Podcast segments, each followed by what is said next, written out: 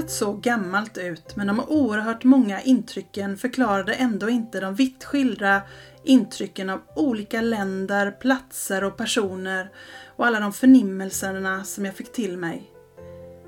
Det kändes nästan som jag stod mitt i en folkmassa och alla skrek ut sina tankar mot mig. Jag började få svårt att fokusera.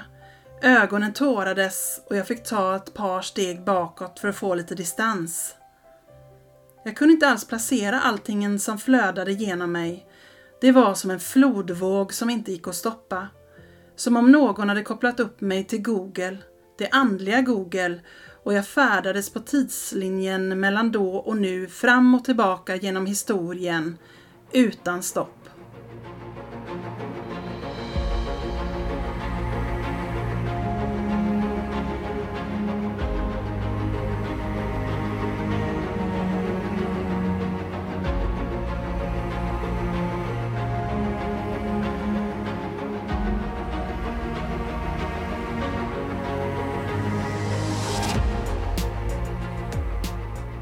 Varmt välkomna till vår podd Magiska möten. Här delar vi med oss av våra upplevelser till er lyssnare genom att berätta om spännande och på olika sätt känslomässiga möten som vi genom åren haft med det övernaturliga. Sedan man var liten har man fått lära sig att sanningen endast kan bevisas genom fysisk existens. Men i den här podden släpper vi logiken och låter känslorna och intuitionen leda oss rätt. Vi heter Caroline och Mikaela och ska ta med er på vår resa in i det okända. Nu börjar Magiska möten.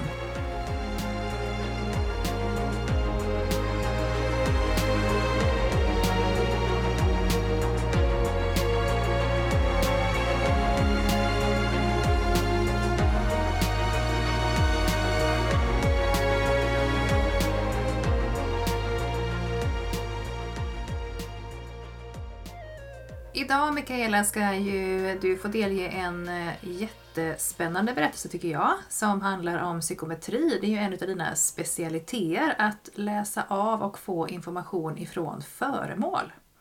Mm, jag har ju alltid tyckt det var väldigt roligt och spännande. När jag gick i skolan tyckte jag inte historia var något höjdarämne kan jag inte säga så att jag, jag har inte med mig någonting därifrån.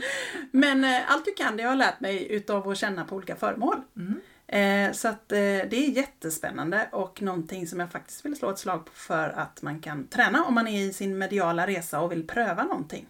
Ja men det var väl ett jättebra tips för att läsa av ett föremål kanske inte känns lika skrämmande som att plocka in en ande eller möta naturväsen i skogen. Så det är väl en jättekul ingångsport i andlighet att eh, möta föremål och deras historia. Absolut, så det tycker jag man ska testa på. Så att eh, nu är ni hjärtligt välkomna att lyssna på min historia om den förtrollade spegeln.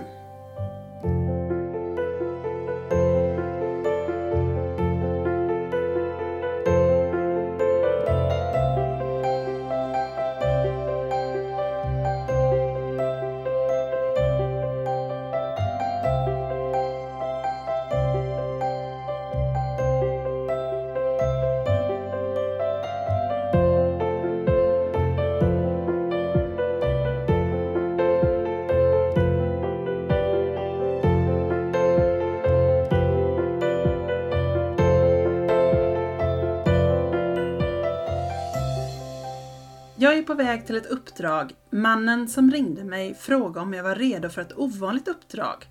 Och jag undrade stilla vad han då tänkte var ett vanligt uppdrag som medium. Men jag viftade bort tanken lika fort som den kom och bokade tid med mannen.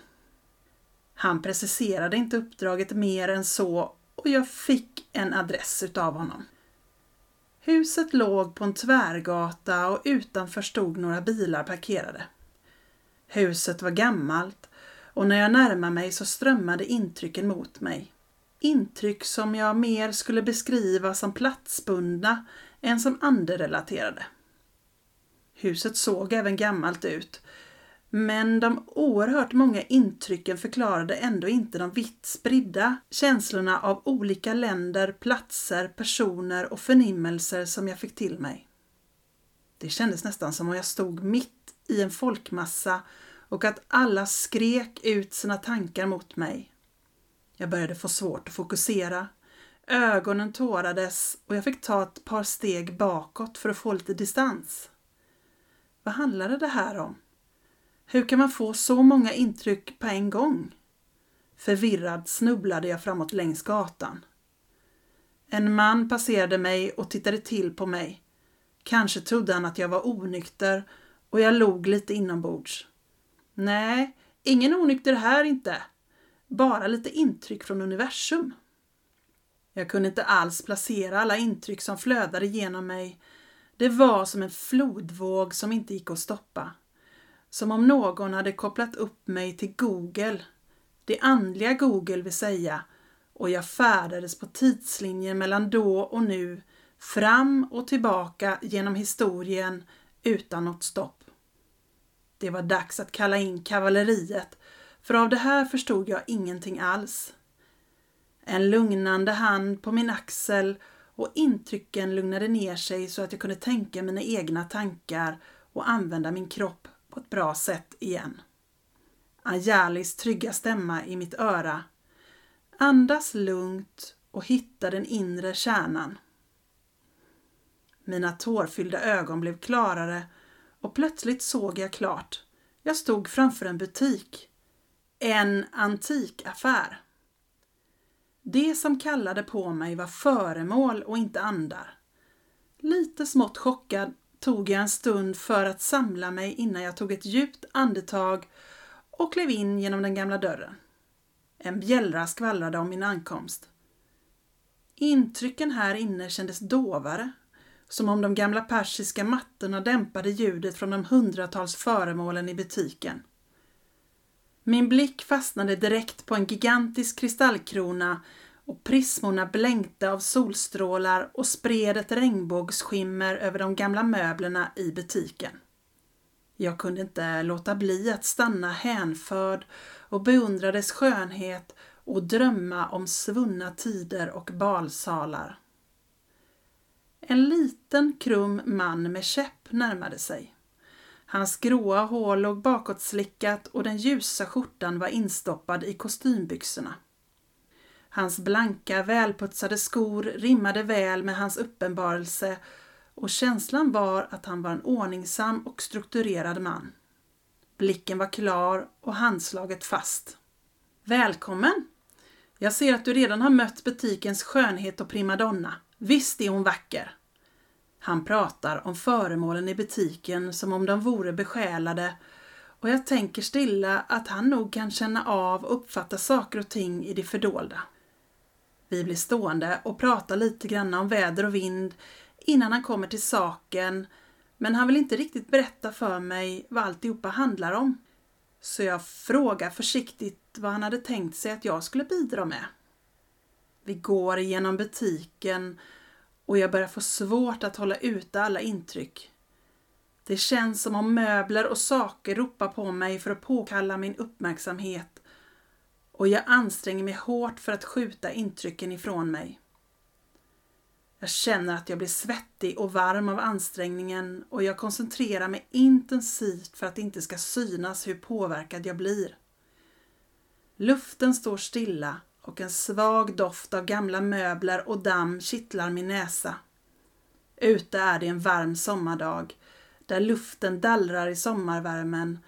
En svag solstrimma letar sig in genom fönstret och dammpartiklarna dansar i ljuset. Han tar mig in i de bakre rummen bakom själva butikslokalen och det är någon form av reparationsverkstad där han reparerar och ger nytt liv till vissa illa tilltygade saker som tiden har slitit ut. Det hänger saker i taket och längs väggarna är det fullt av föremål och möbler staplade. Det känns verkligen som en välutnyttjad lagerlokal. Här sparar man inte på ytorna. Han bugar respektfullt och säger Jag lämnar dig här så att du kan få arbeta i fred och visar mig mot en tavla eller spegel som står lutad mot väggen. Jag kan inte se vad det är för ett vitt skynke täcker över hela den. Den är stor och rektangulär. Lika hög som mig och jag ser att ramen är utsirad i guld då en liten bit sticker ut genom skynket. Mannen ställer fram en stol framför den och serverar mig kaffe och saft från ett litet sideboard bredvid. Han skälper även upp en stor budapestbakelse på ett fat och sträcker fram den mot mig och ler.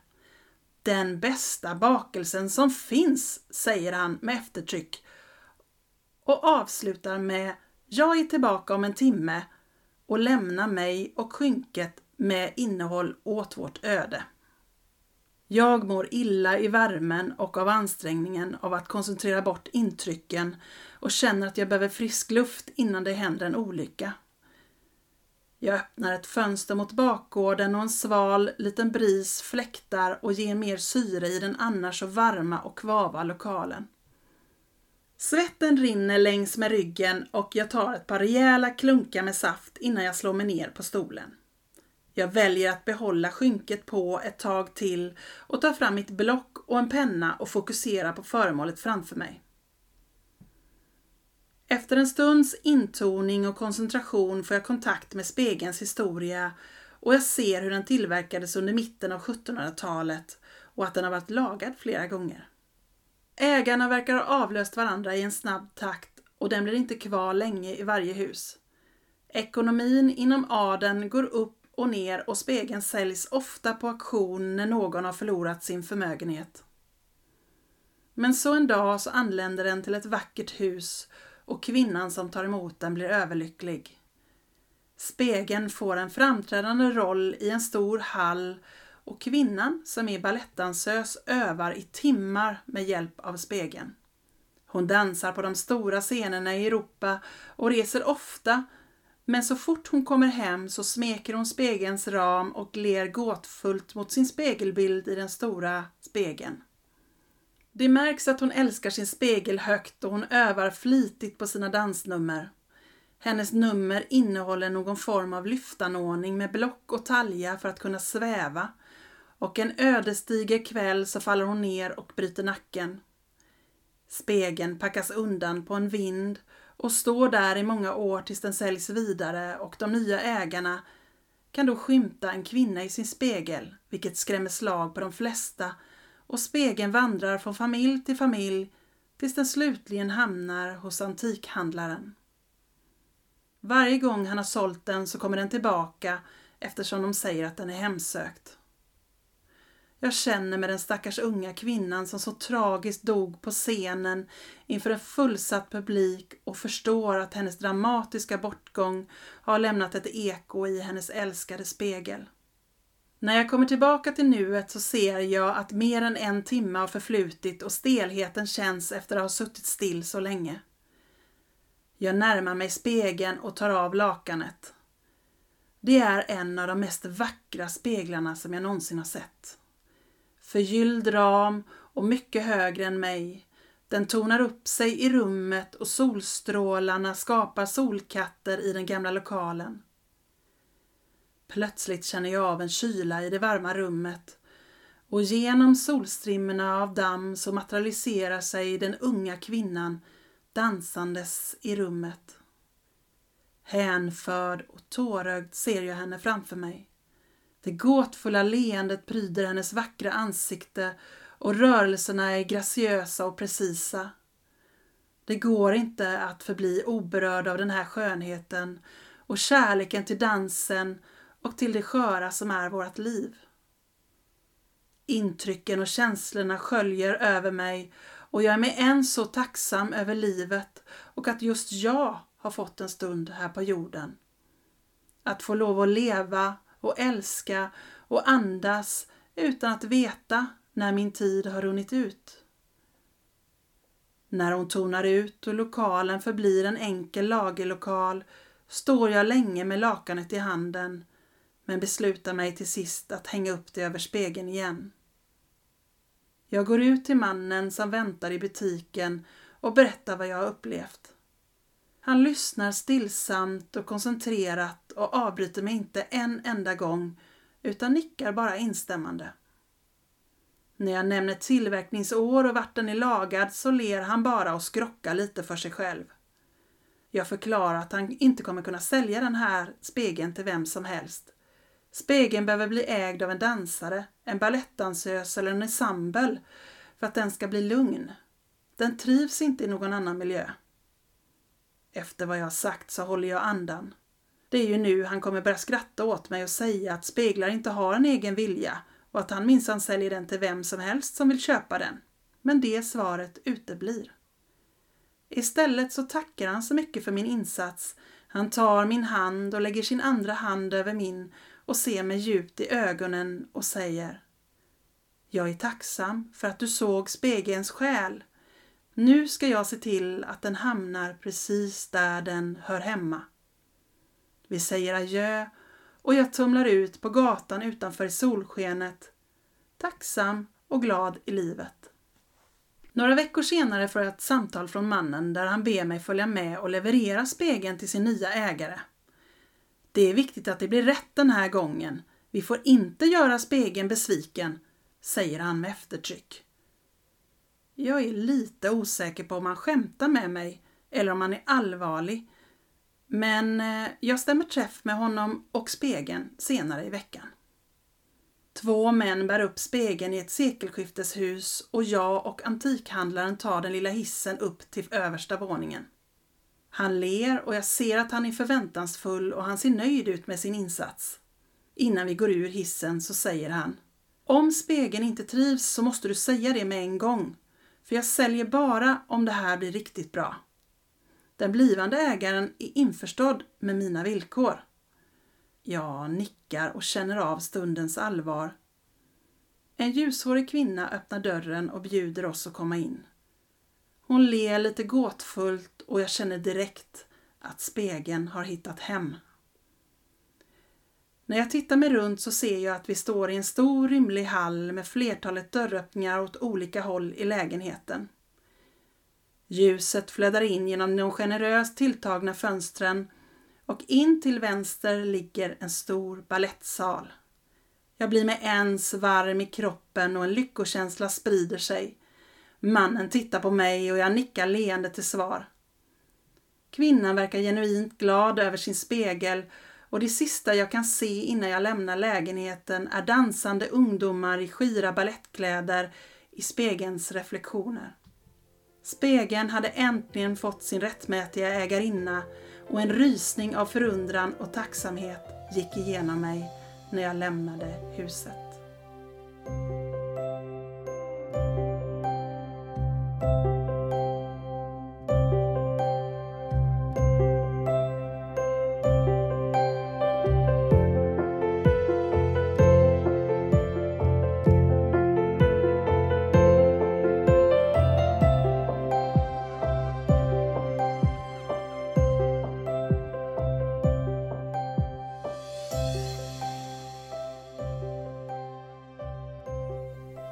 Finns ju väldigt mycket i det här avsnittet som verkade magiskt och som hade mycket själ och hjärta och ville kommunicera. Du hade ju fullt upp när du besökte den här antikaffären att eh, sålla i alla intryck. Det bara sköljde över dig. Och när du kom in så fick du ju ganska mycket intryck av en häftig kristallkrona, det första du fick, innan du ens träffade butiksägaren. Vad, hur var det att få alla de intrycken bara rakt in i, i sig? Ja, det här är ju jättelänge sedan. eh, Så det här är ju relativt tidigt på min magiska resa, eller vad man ska säga, när jag började jobba.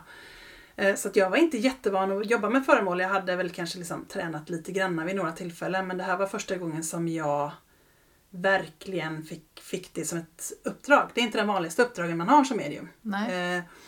Det sa han ju dessutom när han ringde till dig. Ja, och jag förstod inte riktigt vad han menade. Jag tänkte så här, var det ovanligt? All, allt är väl ovanligt som man gör. Det är väl ingenting som är vanligt. Eller typ så. så, att jag, så att, men men eh, det var ju en ganska ny upplevelse för mig också. Eh, så när jag kom gåendes där på gatan så hade jag ju jättesvårt att sålla ut vad är det? För att jag är ju van liksom vid att man, man får kanske in en, eh, en ande eller så, då får man intryck från den. Eller kanske ett platsminne, då står man stilla på en plats och känner av saker och ting. Men det här att man fick liksom, det känns som tusen saker bara flöda igenom mig. Eh, massa olika information om alltingen. Och det konstiga var liksom att jag kände att jag färdades på tidslinjen. Liksom jag var, helt plötsligt så var jag liksom i 1930-talet, sen var jag i liksom 1800-talet och sen var jag i 1700-talet och sen var jag tillbaka i 1900-talet. Och så, alltså, Mm. Jag kände det som, som att jag åkte jojo på någon form av tidslinje och jag fick liksom, vad händer? Vad är det som, så att jag bara kände att nej men nu får jag ropa på Anjalis, min guide då. Ja. Eh, nu får du komma och hjälpa mig för jag förstår ingenting. Ett hus kan ju inte ha så mycket information. Huset i sig själv tänker du? Nej, det kunde inte slänga mig runt på tidslinjen hur många varv som helst. Jag kände att, vad är det här? Mm. Och jag fick också intrycket av väldigt, väldigt många människor. Jag beskriver det att är som att jag står i en folkmassa. Mm. Men det var ju människor som hörde till föremålen. Som du fick Som jag fick intrycket av. Men det förstod inte jag när jag stod där på gatan. Jag tänkte, men vad är det här? Mm. Vad, vad har jag Ska du göra på hamnat? konsert? Ja, men ska jag på rockkonsert i tiden. så det var jättemärkligt. Och det var liksom min första sån upplevelse utav, eh, jag hade nog varit i antikaffärer tidigare i mitt liv så sett, men inte kanske fullt påkopplad Nej. för att kunna gå in på i och göra ett uppdrag. Så det var väldigt märkligt. Jag förstod inte alls de intrycken. Men tror du att den här antikaffären var speciell utifrån att ägaren också hade känsla för föremålen och eh, beskrev dem själv som att de hade själar? Eh, nej, men det var ju en fantastisk ägare men jag upplever ju även om jag kommer till en antikaffär idag att, jag, att det är lite liknande. Mm. Jag har fattat att antikaffär, yes, det funkar så. Eller antikaktioner eller så. Ja. Det, det talar till mig. Mm. Jag kan ju definitivt inte gå på en auktion för jag kan ju ropa in hur mycket grejer som helst. För pengar jag absolut inte har. för de, de talar ju till och med föremålen. Ja. Alla vill ju bara komma och bo hos mig känner jag. Ja, så just känner jag. Och jag vill att alla ska bo hos mig också. Mm. så jag tänker ju också att föremål är besjälade verkligen. Mm. Speciellt äldre föremål. Beror det på att de är producerade på ett visst sätt eller att de har en viss ålder? Eller varför tror du att just äldre föremål är besjälade? Är en plastleksak också det? Alltså jag upplever att föremål som har blivit tillverkade för hand Mm. utav en människa har eh, mycket mer eh, liksom, besjälad aktivitet än vad en plastleksak som är fabrikstillverkad har. Ja. Men däremot kan det ju hända att man tar en plastleksak och får förnimmelser utav den som har lekt med, med föremålet. Det kan hända. Men framförallt så upplever jag att de föremålen som har vandrat genom tiden har ganska mycket själ. Så komma in på ett slott det är ju som att komma in ja, på en fullsatt eh, stadion med en rockkonsert liksom och allas tankar är öppna för mig. Ungefär då- den känslan känner jag. För då är det både föremål och eh, andar och platsminnen och tidsminnen som strömmar Ja. genom dig. Precis. Mm. Så då, och då gäller det liksom för mig att eh, kunna sålla i det. Ja. Och det har jag ju tränat på genom åren och blivit bättre på. Mm. Men Hur det tränar man på det? Ja, man gör det mycket. Ja. det är som alltingen. Man, man gör det mycket och man, man tränar ofta. För någonstans så tyckte jag också att det var ganska roligt Mm. att träna på det här. Sen ska inte jag säga att eh, jag lyckas alla gånger heller. Det är inte alltid jag får årtal eller att, jag får, att allting blir så tydligt för mig. Nej men det är bara att träna mycket. Det är Mm. det det handlar om tror jag. Och att jag tycker att det är roligt, då gör man det mycket. Mm, det är klart. Men när du kom in i den här antikaffären som din historia handlar om så refererade butiksägaren till primadonnan som du mötte först, den här Ja. stora kristallkronan. Ja, den golvar mig fullständigt. Jag blev så förälskad i den här kristallkronan och jag har alltid önskat att jag ska ha ett hem där jag kan få ha en sån här jättekristallkrona. Men eh, det är nog inte detta livet som jag har det tyvärr. För jag tycker, jag älskar kristallkronor. Jag tycker att de är så vackra och eh, de ger, de liksom pryder verkligen hemmet. Det där kan jag bli fast i riktigt länge. Så att, eh, det var ju det första jag såg när jag kom in också. Jag bara yes, kolla! Wow! Du vill nog följa med mig hem, eller hur? Eller hur? Så att eh, det, det var lite härligt att få den kontakten det första jag fick när jag kom in där. Men eh, på tal om kontakt, vad fick du för kontakt med den här butiksägaren? Det var första gången ni träffades. Mm, det var första gången vi träffades och ehm, han var ju en ganska försynt eh, man som inte, han gjorde inte mycket väsen av sig. Men man kände ju ändå att det fanns en, en, säga, en, en bestämdhet i honom. Han, han var noga och ordningsam och han hade koll och så. Och därför så kände jag mig lite osäker för jag tänkte att han kanske inte är så... Min känsla var liksom när jag pratade med honom på telefon så att han kanske inte är så öppen för det här.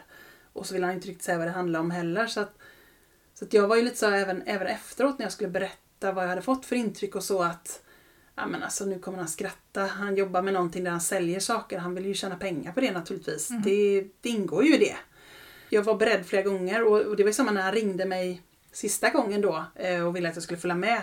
Så tänkte jag, driver han med mig? Eller jag kunde liksom inte riktigt eh, känna, är det sanning eller är det inte? Men han var ju superseriös. Ja. Och eh, tog allting jag sa på yttersta, yttersta allvar och eh, jag fick ju många fler uppdrag hos honom sen, senare. Mm. Och det var också tack vare honom jag fick hålla i en Stradivarius, en väldigt lyxig fiol. Mm, För jag blev även kontaktad i andra när han skulle köpa konst och sånt. Ja, Kan du inte berätta om det? För det har ju du berättat för mig eh, när eh, han skulle köpa en tavla. Ja, som de hade svårt att... Eh, de blev lite fundersamma på den här tavlan om den verkligen var helt äkta. Det var lite svårt att avgöra det. Det- Allting såg bra ut på papper men, eh, men han, hörde, han fick ändå någon känsla av att det kanske inte stämde. Mm. Så då ringde han mig och eh, jag kände på tavlan och kände att den var rätt ny. Den var rätt ny. Ja, och då, ehm, då blev det inget köp av den Nej. konsten. Nej. Så att han var ju en väldigt eh, jag ska säga, en smart affärsman också. Han gick inte att lura. Nej. Och han hade ju någon form av medial gåva eller känsla eftersom han, upplever jag i alla fall, pratade om saker och ting. Ja, Han tog jätteallvarligt när jag sa att Nej, men spegeln vill verkligen inte bo någon annanstans Nej. än hos någon som, någon som dansar. Och så tänkte jag, men herregud, hur ska han lösa det? Ja. Och så tänkte jag, ja men när jag har gått så, så tänker han bara, åh hon var småtokig, jag skiter i vad hon säger. Men det gjorde han verkligen inte. Häftigt. Så vi började ett litet samarbete kan man säga, där vi träffades flertalet gånger och med olika föremål och olika saker och så. Men den här spegeln Mm. var ju väldigt speciell, hade en lång historia och en lite brokig bakgrund och gjorde Mm. ju att den inte riktigt hittade ett nytt hem där den fick vara och trivdes. Nej. Vad, vad var din känsla när du mötte spegeln första gången? Nej men det kändes väldigt tydligt att det här var ett föremål som eh, som även hade väldigt starka platsminnen i sig och eh, så pass starkt att eh, det var svårt att få frid i den spegeln Mm. på något vis. Den hade ju vandrat väldigt mycket och eh, det visste inte jag om när jag kom dit. Jag hade ju ingen aning om någonting för det, så är det ju. Men efteråt har jag fått höra att den hade ju skrämt slag på ganska många människor. Alltså det var de, många som hade köpt den och som hade lämnat tillbaka den och sa att den är livsfarlig, den är hemsökt och vi kan inte ha den kvar och det händer konstiga saker hemma. Och, alltså många som beskrev det att det var som en portal liksom. Att det drog till sig andlig aktivitet och en hel del hade sett den här kvinnan dansa och sådana saker. Och det är klart att kommer man hem en eftermiddag och varit och handlat på ICA och, och så sätter man i kastarna i hallen och så plötsligt står det en främmande kvinna där så blir man ju ganska rädd. Mm. Om, speciellt om man inte är van vid det. Mm. Den var ju ganska stark och det var också därför jag valde att hänga över eh, det här lakanet igen för att jag kände att så fort som den fick utrymme så laddades det upp saker och ting. Mm. Jag vill säga en portal för det, det är lite omstritt det där om hur portaler kan bildas eller hur de är eller så. Men annars är det ju, man pratar ju ofta om spegelportaler och så. Mm.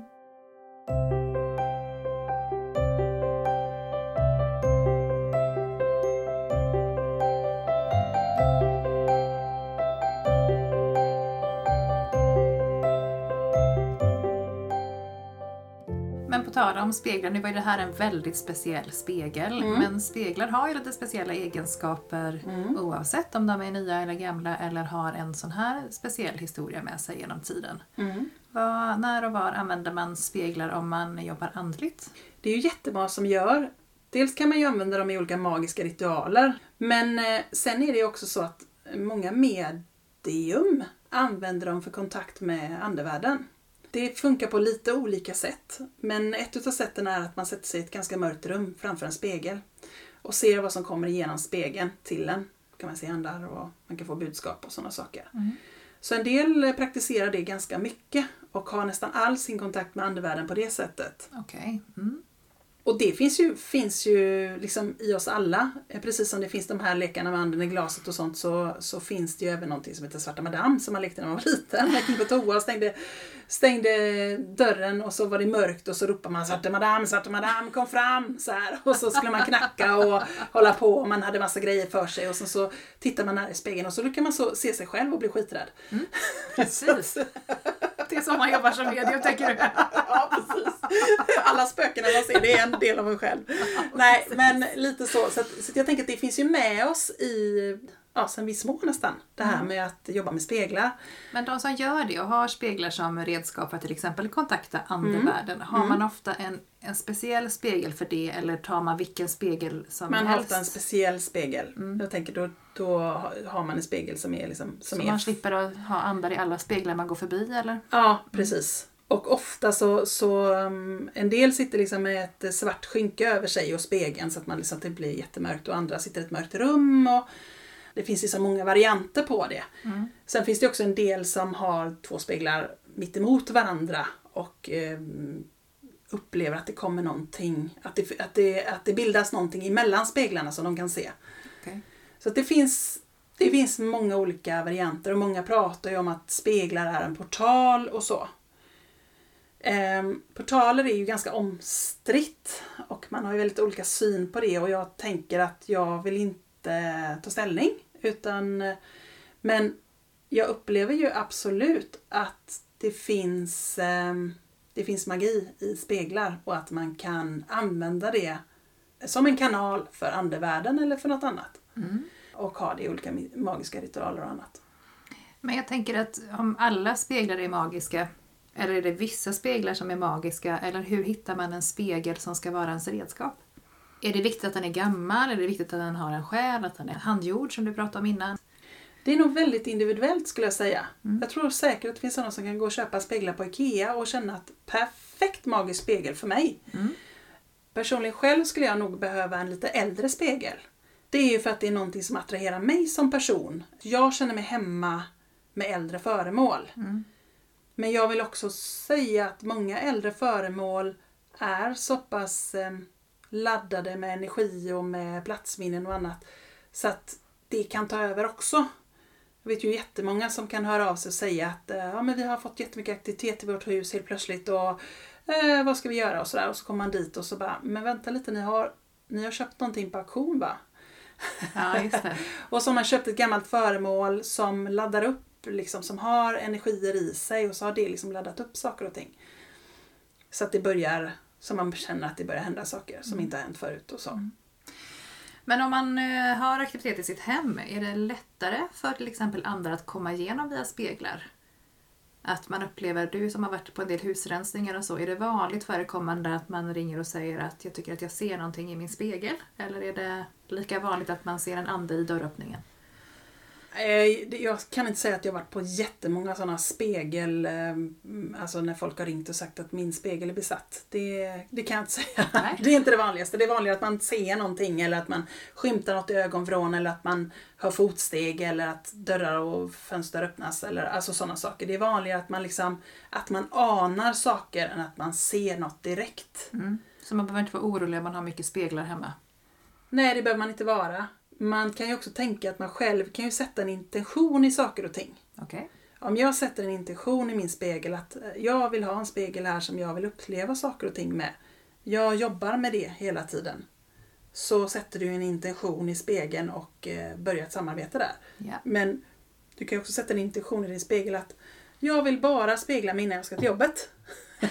jag vill inte se någonting konstigt och jag vill inte uppleva något konstigt. Nej. Och det tycker jag brukar fungera ganska bra. Men du sa att speglar är magiska. På Mm. vilket sätt kan det ges uttryck?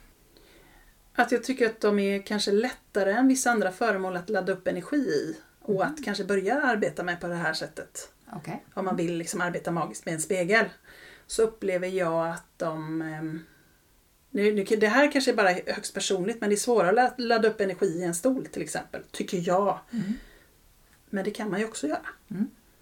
Så att någonstans så behöver man ju fundera på vilket är mitt sätt. Men du tänker att speglar är ändå ett relativt enkelt verktyg att använda? Ja, jag tycker det. Mm. Men det tycker jag. Ja. Det kan ju andra som säger nej gud det är ju det är svårt. Ja, och jag sitter här och har ingen åsikt för jag har inte provat det. Nej, Nej. det är nästa, nästa kurs. Är det nästa kurs? Nej, jag skojar.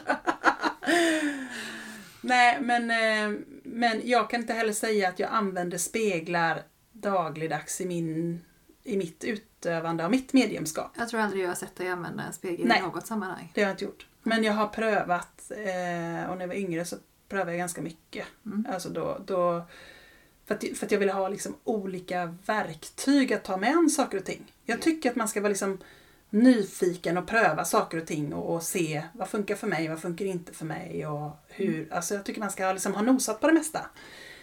Men, det går väl lite grann i perioder upplever jag vilka verktyg som är fruktbara i det Ja. andliga arbetet. För Ja. i vissa stunder så känns det helt naturligt att jobba med kristaller och i andra stunder så har jag inte en sten i handen. Nej, Eh, och jag tänker det är väl säkert samma med speglar, att provar man och tycker det är bra så absolut. Ja. Ehm, och det kanske funkar en stund eller som du sa att Ja. mycket i din ungdom men inte nu. Nej. Nej, och så är det nog. Att man får liksom hitta sin grej. Så är det ju. Och, man får, och, och jag tycker man ska pröva sig fram och när man väl känner så här. Nej men det här kan jag, nu börjar det här bli lite, lite blasé. Nu har jag gjort det här tusen gånger. Nu vill jag te- testa något annat. Då ska man ju göra det tänker jag. Men på tal om att hitta sin grej. Mm. eh, Jag, jag tycker ju att du är skicklig på väldigt många olika saker inom mediumskapet. Men när du beskriver dig själv så säger du att du är absolut bäst på det här med psykometri. Jag tycker ju själv personligen inte att andevärlden är mitt starkaste, mitt starkaste kort. Det kanske andra skulle säga när de, ja, men hon plockar in andar och typ så här och så. Men jag tycker själv inte det. Men jag tror att psykometri är för att jag tycker att det är så otroligt kul att kunna läsa av ett föremål. Så att jag tror att det handlar mer om det att jag tycker att det är så roligt.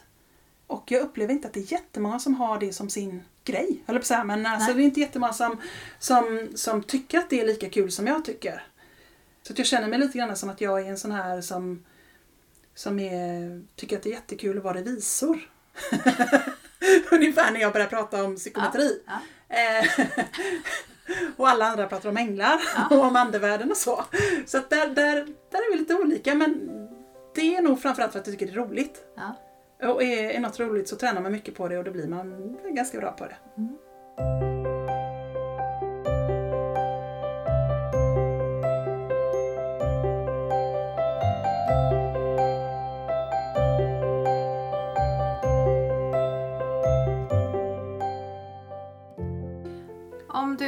skulle se någon stå framför den här spegeln och bara slå sönder den och skicka den på tippen. Hur hade det känts i din kropp? Nej, men jag hade blivit ledsen på riktigt. Jag hade ju gråtit alltså. Mm. Det hade ju känts som om att någon slog en, ett djur eller en människa. Alltså typ nästan Mm. så. Alltså inte kanske riktigt lika men det hade varit fruktansvärt tragiskt. Mm.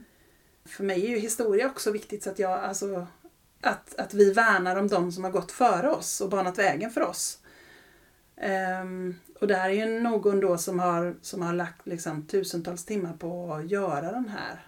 Kanske inte tusentals, det var väl överdrivet. Men, men det känner jag också liksom en vördnad mot de som har slitit hårt och tillverkat någonting. Mm. Jag tycker att det är ganska fint med hantverk och så. så därför så har jag svårt att se att man förstör saker och ting. Mm. Men om man inte har samma känsla som dig utan bara tycker att Gammalt krafs. ja, Ja. Nej, då tycker man ju det och då är det ju så. mm, Men jag blir ju jättelycklig när jag kommer in på en plats med väldigt mycket gamla möbler och grejer och sånt. Även om det kan vara ansträngande. äh, Även om jag behöver anstränga mig för att liksom skärma bort intryck och så. Men jag tycker att det är fantastiskt. Har du lika lätt att kommunicera med föremål som med djur eller andar? Eller är det, för vi pratade i ett annat avsnitt om att man kommunicerar liksom på samma sätt oavsett om man pratar med andar eller om man pratar med väsen eller om man pratar med djur fast man Mhm. använder lite olika kanaler. Mm. Är det samma med ett föremål upplever du eller är det någon skillnad? Skillnaden är väl att man mer behöver titta in på föremålet när man liksom tar kontakt med något som lever eller man ska säga någon, alltså något, ett djur eller en, en människa så man får kan få mer verbal kontakt. Mm. Från föremål får jag mycket mer bilder. Jag ser saker och ting i bilder. Så har man, inget, har man inte ett så starkt bildspråk så kan det vara svårare med psykometri Ja. tänker jag. Men för mig som har det som, som, min, alltså som ganska starkt redskap så, så fungerar det ganska bra då. Ja. Men, eh, men jag har inte träffat någon annan som tycker att det här är jättekul så att jag, jag antar att jag, att jag är lite udda i Du är det. inga likasinnade där. Nej, jag har inte träffat jättemånga som tycker att det är jättekul. Eh, men någon ska ju tycka det. Mm. Men nu var det väldigt, väldigt länge sedan som jag, som jag gjorde några sådana uppdrag. Så att, eh, och det är ju det är som tränare, man behöver liksom man behöver jobba ganska regelbundet med det för att man ska vara skarp på det. Och så. Men jag tycker att det är ganska enkelt upplever jag när jag har kurser och så att för folk att liksom ta sig an det här. Att Mm. bara få en känsla för det de sitter och håller i. Det kan vara svårare om de har en, en, en tarotkort framför sig och tolka det än att du får någonting i din hand och ja, är det varmt, är det kallt, vad känns? Alltså du ser kanske inte hur det ser ut föremålet då. Men jag upplever att många har lättare, när de inte ens vet vad det är de har i sin hand, att få intryck. För att det är som att man stänger ut allting annat då. Men vad är det, vad är det häftigaste du har fått fram från ett föremål?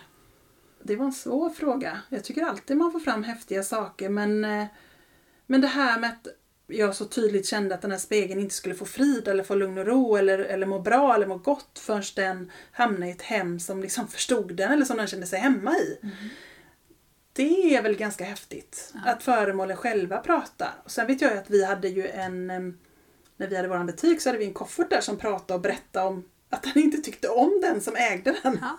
För att den var en tjuv och det tyckte den inte om. Nej. Och sådana saker. Så de blir ju lite levande i med det de berättar.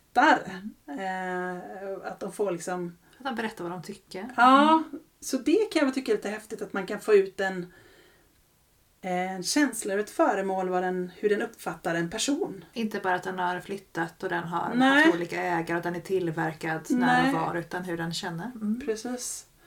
Men sen är det väl som all anledning att eh, när det kommer in väldigt mycket prestation i det hela så, så kan det ju låsa sig ganska rejält. Liksom. Det är nog det som, som händer för många och då tycker man inte lika roligt och då backar man undan från det tror jag.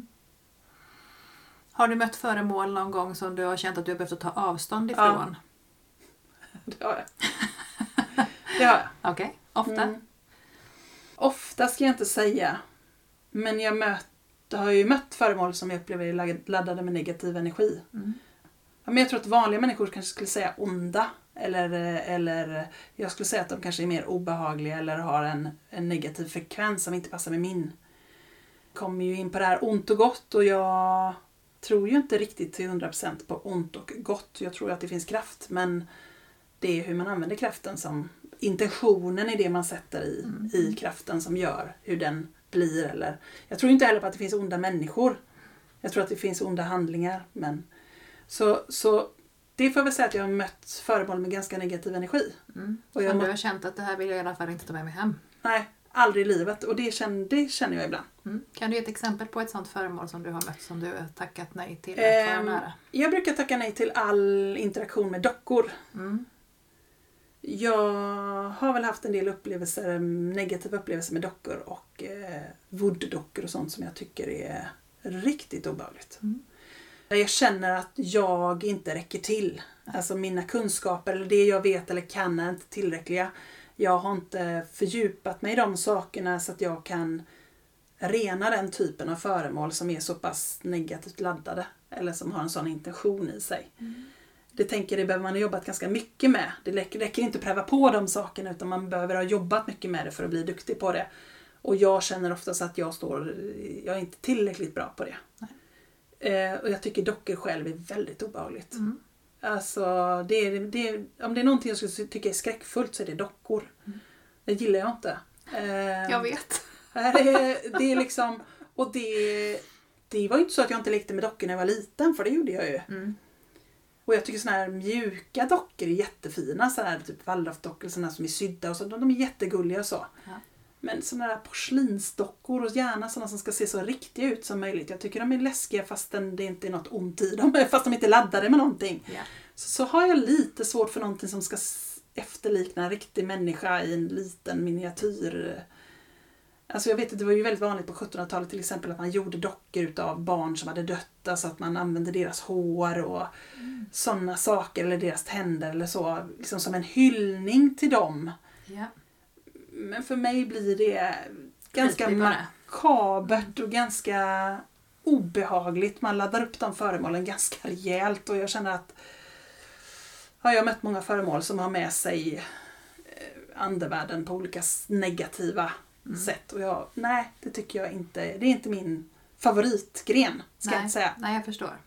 Men den här spegeln som du mötte var kanske inte jättepositivt laddad heller. Den hade ju en väldigt speciell historia. Mm. Eller positivt eller negativt. Men den hade ju inte en laddning som du kände åh, den här vill jag gärna ta med mig hem till mig. Så var det ju inte. Den hade ju en annan intention vart den ville landa för att må bra. Ja.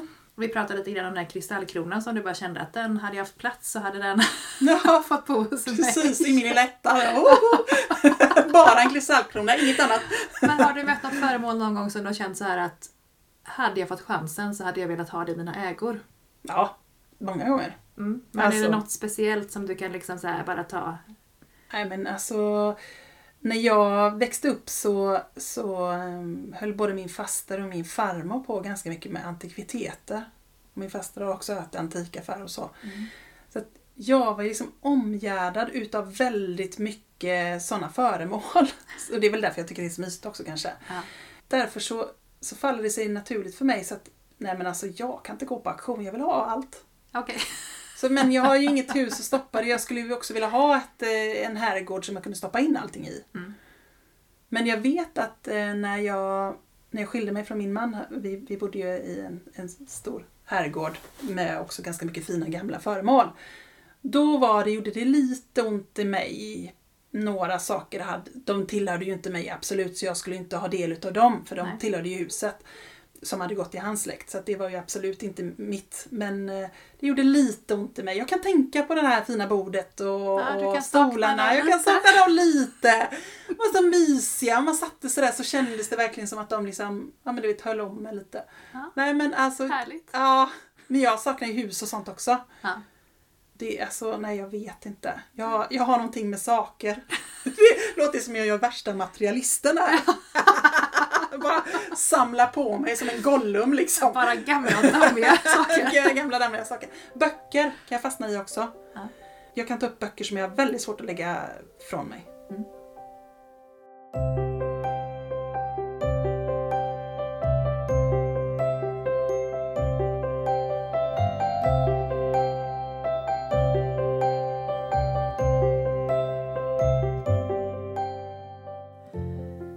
Det känns som att vi har tagit en lite ny och spännande inriktning idag i det här poddavsnittet där vi har pratat om hur föremål mer eller mindre kan upplevas besjälade och hur man kan utvinna information genom att kommunicera med olika saker.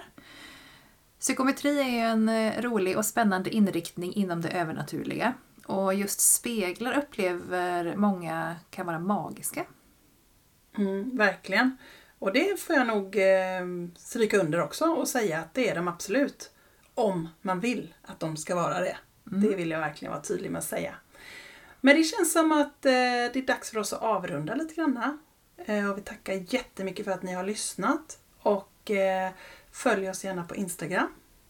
Så kommer det nya spännande avsnitt. Kanske pratar vi om en soffa eller något annat spännande vid något annat tillfälle. Vi får väl se vad vi kan eh, bidra med.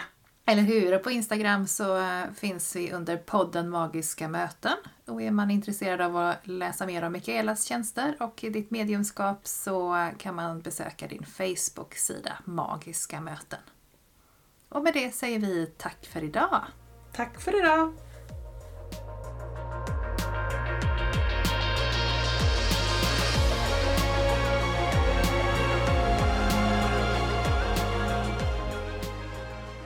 Sedan man var liten har man fått lära sig att sanningen endast kan bevisas genom fysisk existens. Men i den här podden släpper vi logiken och låter känslorna och intuitionen leda oss rätt. Tack för att ni har lyssnat på Magiska möten.